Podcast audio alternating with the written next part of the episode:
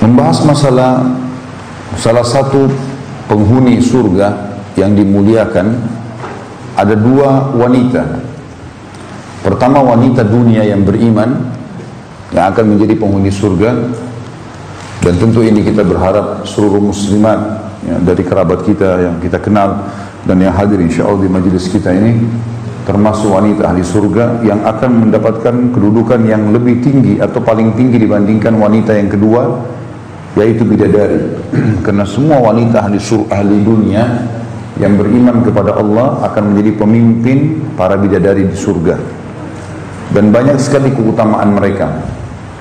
Yang paling sering menonjol disebutkan dalam Al-Quran dan sunnah Nabi SAW adalah keindahan tubuh, kecantikan paras wajah, ya.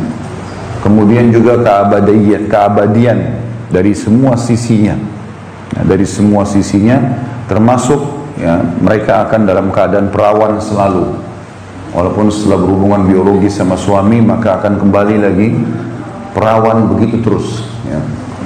Ini yang disebutkan dalam ayat dalil-dalil dalam Al-Quran dan Sunnah dan pelajaran sebelum kita masuk lebih dalam membahas masalah wanita penghuni surga ini semua yang disebutkan di surga yang merupakan janji Allah itu pertama pasti akan terjadi dan ada dan yang kedua itu adalah simbol kehidupan orang beriman artinya digambarkannya wanita di surga beda dari kecantikan para, uh, tubuh, paras wajah, warna kulit, lantunan suara yang syahdu dan baik itu semua menggambarkan harusnya wanita mukmin di surga seperti itu, di dunia seperti itu.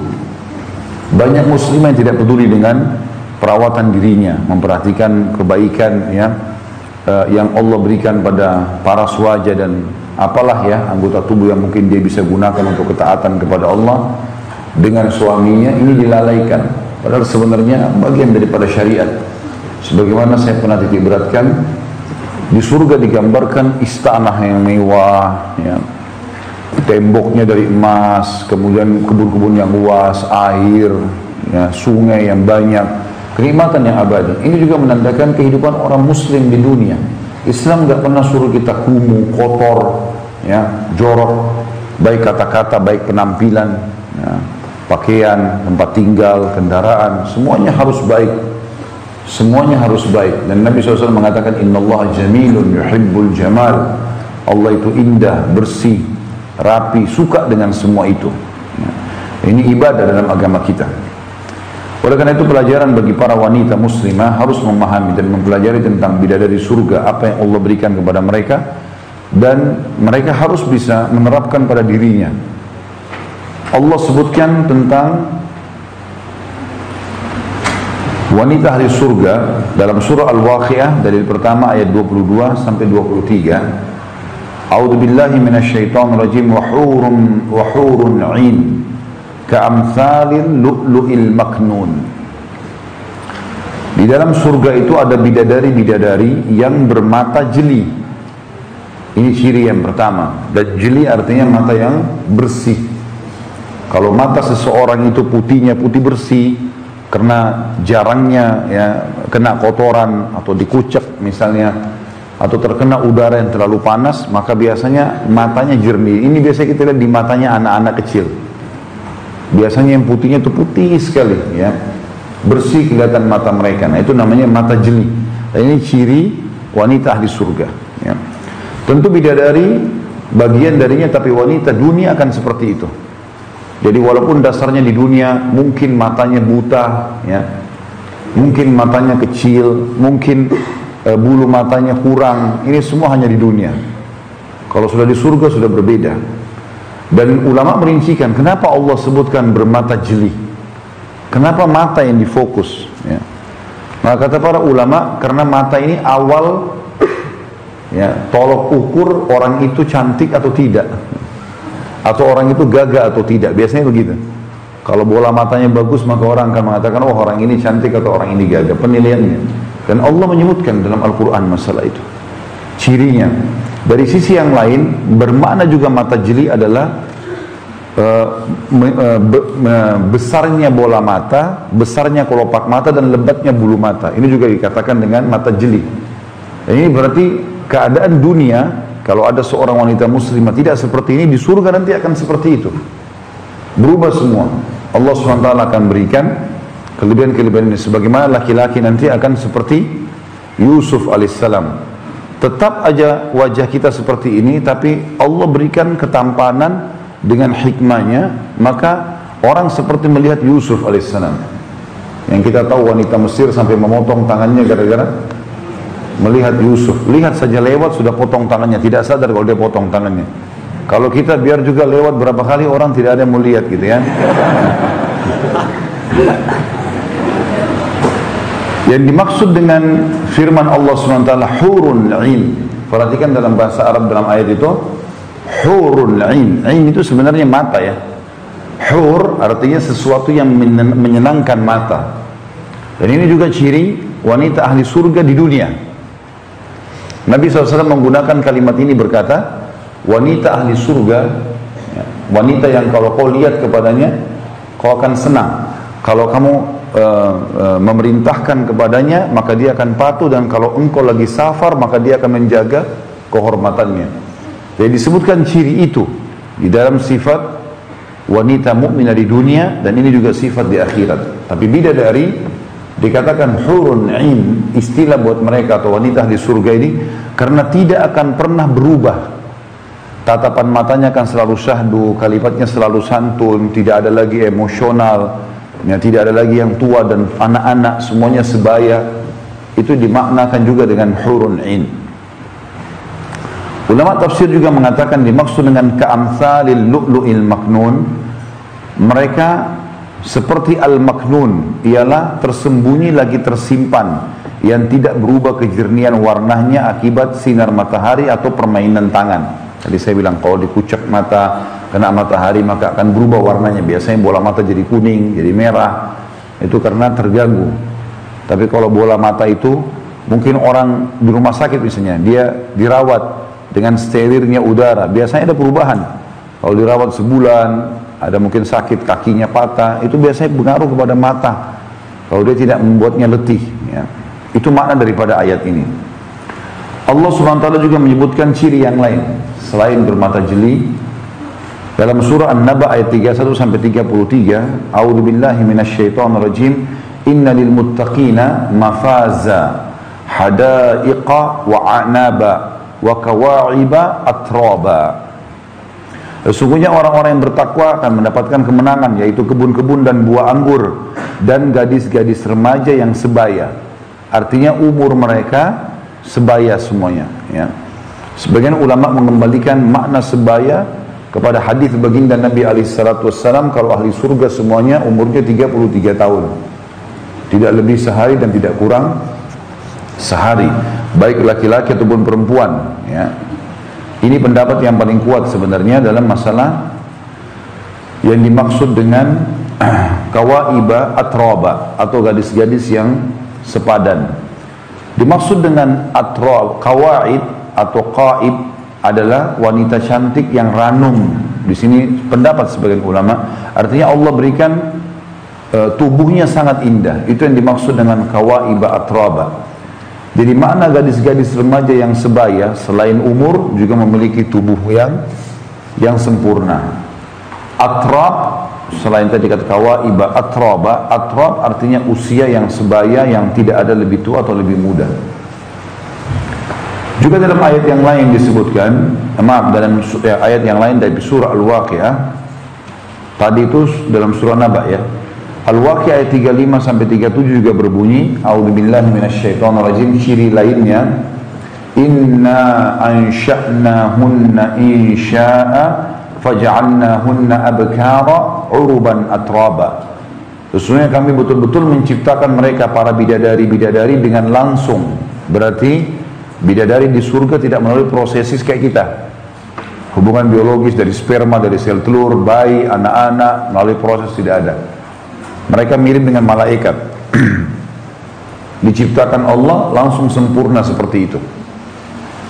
Itu dimaksud dengan ansha'nahunna insya'a atau kami menciptakan mereka secara langsung dan kami jadikan mereka gadis-gadis yang perawan. Kata ulama tafsir yang dimaksud adalah setiap habis biologis dengan suaminya maka akan kembali perawan. Begitu terus yang sifatnya abadi. Kemudian uruban atraba penuh dengan cinta lagi sebaya umurnya. Ini ciri tambahannya adalah masalah diciptakan secara langsung, kemudian selalu perawan dan juga penuh dengan cinta. Kalau sebaya umur tadi sudah disebutkan dalam dalam firman Allah tadi surah An-Naba. Dan ulama tafsir juga mengatakan dimaksud dengan penuh dengan cinta adalah cintanya tidak akan pernah berubah sama suaminya. Itu yang dimaksud dengan cinta dan ini pujian Allah kepada bidadari yang akan melayani hamba-hambanya di surga. Dan ini semestinya seorang mukminah di dunia mengetahui masalah itu. Dia berusaha untuk cintanya tidak mudah dikendorkan.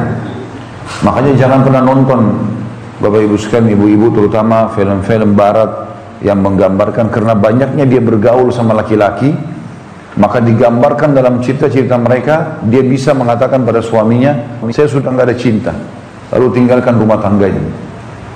Ini haram dalam Islam. Tidak mungkin itu. Dan Allah memberikan wanita dominan perasaan maka dia sulit mengalihkan cintanya sebenarnya. Dia tidak bisa membagi itu.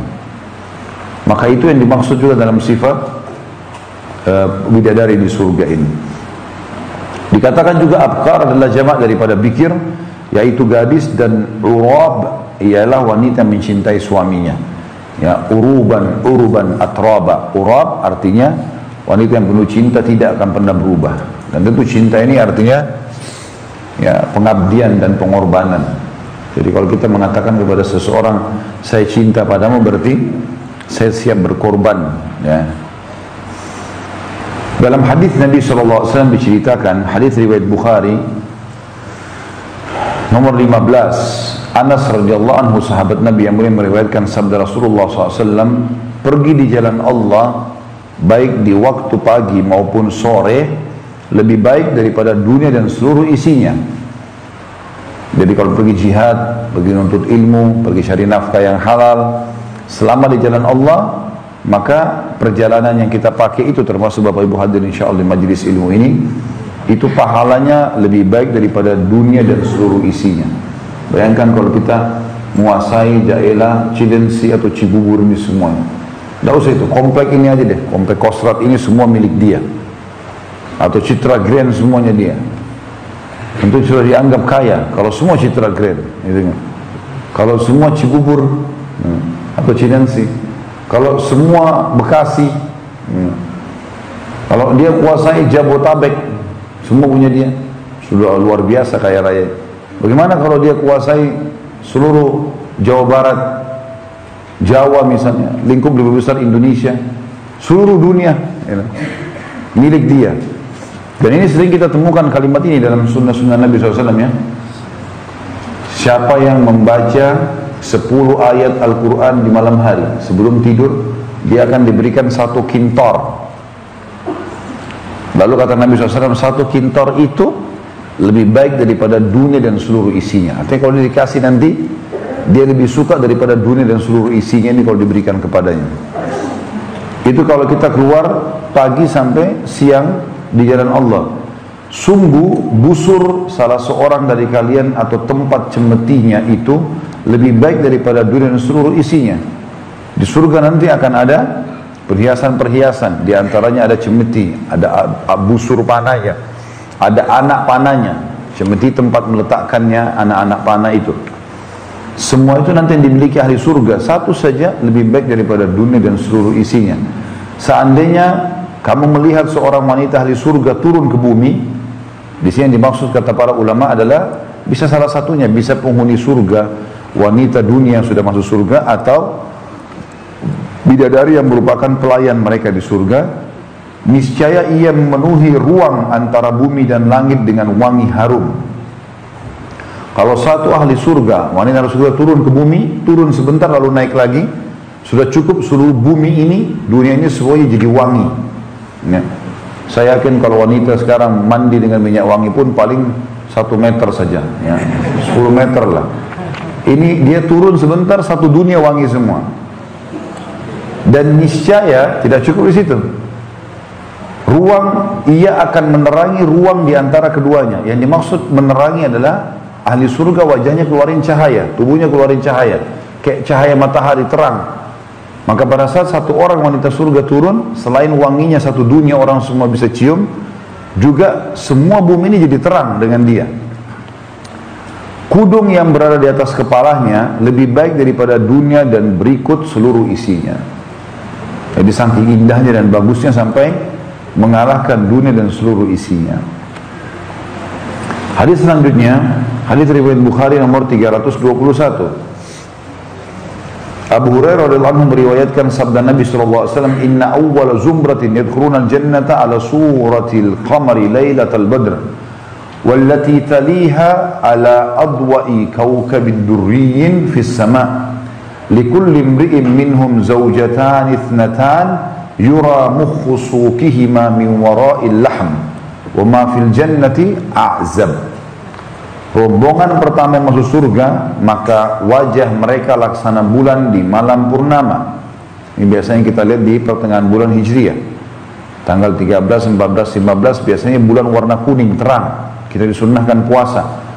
Maka seperti itu wajah mereka rombongan yang pertama masuk surga. Ini yang pertama sekali lewat sirat dan mereka masuk surga tanpa hisab.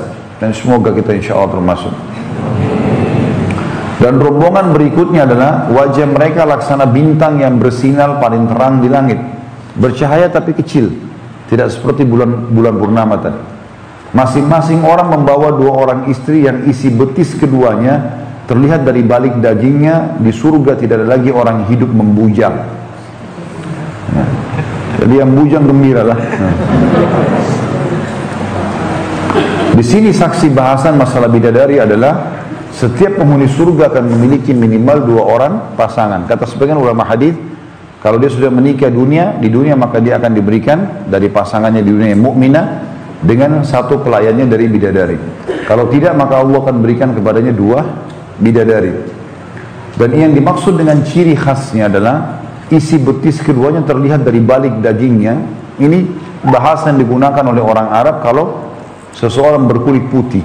Biasanya kalau kulitnya putih sekali, urat-urat sarafnya, urat-uratnya kan kelihatan. Ya. Ini makna daripada perkataan tersebut. Ya. Bisa terlihat dari balik dagingnya. Dan di surga tidak ada lagi yang membujang, maksudnya semuanya tidak ada lagi, laki-laki dan perempuan. Tidak ada lagi yang sendirian. Ulama menjelaskan tentang masalah bagaimana kalau seseorang meninggal belum sempat menikah, laki-laki atau perempuan. Maka kalau laki-laki dia akan mendapatkan dari bidadari, kalau perempuan dia akan dinikahkan dengan salah satu penghuni surga yang Allah tunjukkan untuknya. Ya. Tentu kalau dia pernah menikah pun, ya, kalau dia pernah menikah dan dia cerai, selama dia belum menikah lagi sama orang lain, kalau suaminya itu memiliki derajat yang bagus di surga dikembalikan kepada suaminya, walaupun sudah cerai di dunia. Tapi kalau dia menikah dengan dua laki-laki, pernah menikah dengan yang satu, kemudian cerai atau meninggal, lalu dia menikah lagi dengan yang kedua, maka dia akan bersama dengan yang paling baik akhlaknya atau imannya. Sebagaimana perkataan Ummu Salamah radhiyallahu anha yang berkata ya Rasulullah, bagaimana nasibnya dengan wanita yang memiliki dua orang suami? Karena Ummu Salamah ingin bahasakan dirinya cuma dia malu. Dia punya suami pertama Abu Salamah sekarang suaminya Rasulullah SAW Gak mungkin dia bertemukan antara keduanya dan dia berharap bersama Nabi di surga. Pasti Nabi derajatnya lebih tinggi. Maka kata Nabi SAW, wahai Ummu Salamah, sesungguhnya dia akan bersama dengan yang paling baik akhlaknya. Dan ketahuilah, akhlak yang mulia telah mengangkat derajat yang tinggi di surga. Hadis selanjutnya adalah hadis yang diriwayatkan Tabarani dalam Ausat dengan sanad yang bagus Sementara dinyatakan oleh Al-Haythami juga, Al-Haythami juga meriwayatkan dalam kitab Al-Majma' di jilid 10 halaman 418. Abu Sa'id Al-Khudri radhiyallahu meriwayatkan sabda Nabi SAW sesungguhnya seseorang duduk santai di surga selama 70 tahun sebelum berpindah tempat. Kemudian istrinya datang kepadanya lalu melihat wajahnya ya, pada pipi istrinya. Jadi saking licinnya dan mengkilatnya pipi istrinya, dia bisa bercermin. Kalau istri kita di dunia biar kita bolak-balik lihat nggak bisa mantul-mantul ya.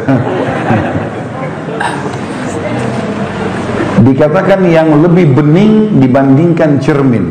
Dan ini ibu-ibu juga di dunia asal mukminah begitu nanti.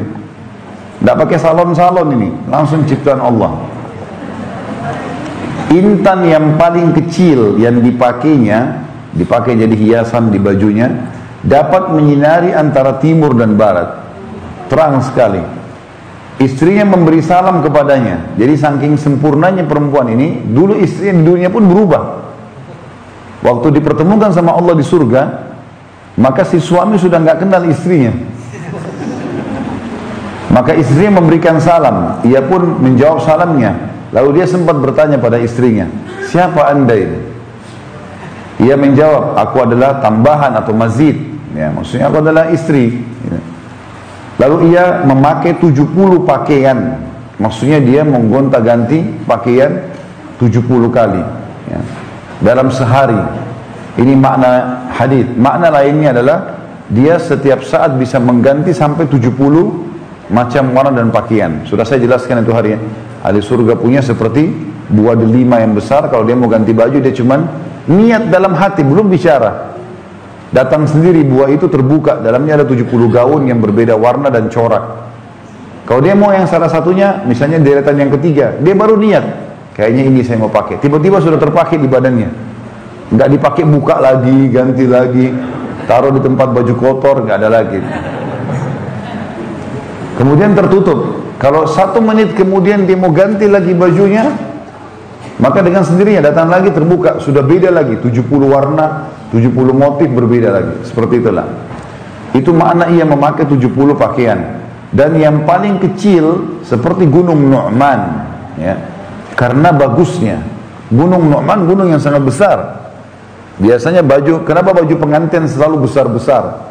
Dibuat panjang, karena dianggap itu keagungan gitu kan bagi kaum wanita. Maka nanti seperti itulah pakaian mereka, gaun-gaunnya besar sekali, sampai seperti gunung. Karena memang semua manusia kan tinggi ya pada hari kiamat. Berasal dari pohon tuba, ya. Pohon tuba, sebagian ulama mengatakan pohon yang menghasilkan buah dan daun yang berwarna-warni dan wangi ia menerawangnya sehingga melihat isi betisnya dari balik pakaiannya. Maksudnya dia bisa melihat saking bersihnya uh, kulit si perempuan tadi dan juga bagusnya baju yang dipakai dan tipis maka dia bisa melihat dari luar pakaian tersebut ke dalam. Wanita tersebut memakai mahkota dan intan yang paling kecil miliknya dapat menyinari antara timur dan barat. Penulis berkata Pernyataannya aku adalah mazid tambahan semakna dengan firman Allah Subhanahu wa taala dalam surah Qaf ayat 35. A'udzu billahi minasyaitonir rajim. Lahum ma yasha'una fiha waladaina mazid. Mereka di dalamnya memperoleh apa yang mereka kehendaki dan pada sisi kami ada tambahannya. Jadi dimaksud di sini ada tambahan adalah ada juga sebagian ulama mengatakan Nanti ahli surga kalau masuk ke dalam surga, maka sudah dinikmatin semuanya, akan ada uh, bidadari yang berterbangan di atas surga, lalu mampir ke istana orang-orang tertentu saja. Orang-orang tertentu saja dari ahli surga, kemudian turun dan berkata, wahai hamba Allah, apakah kau masih membutuhkan tambahan? Kalau dia mengatakan iya, maka dia menjadi bagian daripada istrinya. Kalau enggak, maka dia akan pergi mencari istana yang lain. Allahu alam, antum mau suruh dia pergi atau tidak?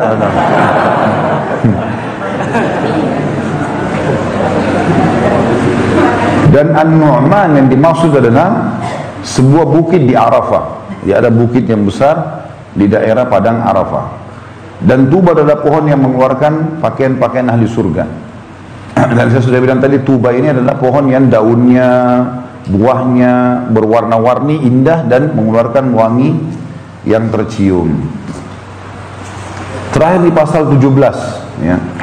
Tentang masalah bidadari ini dan ini menandakan surga sudah ada, bidadari sudah ada sekarang. Termasuk di surga ada juga bidadara ya. Ya, laki-laki. Kalau dalam Al-Quran dikatakan wildanun mukhalladun, wildan. Jadi pelayan-pelayan laki-laki.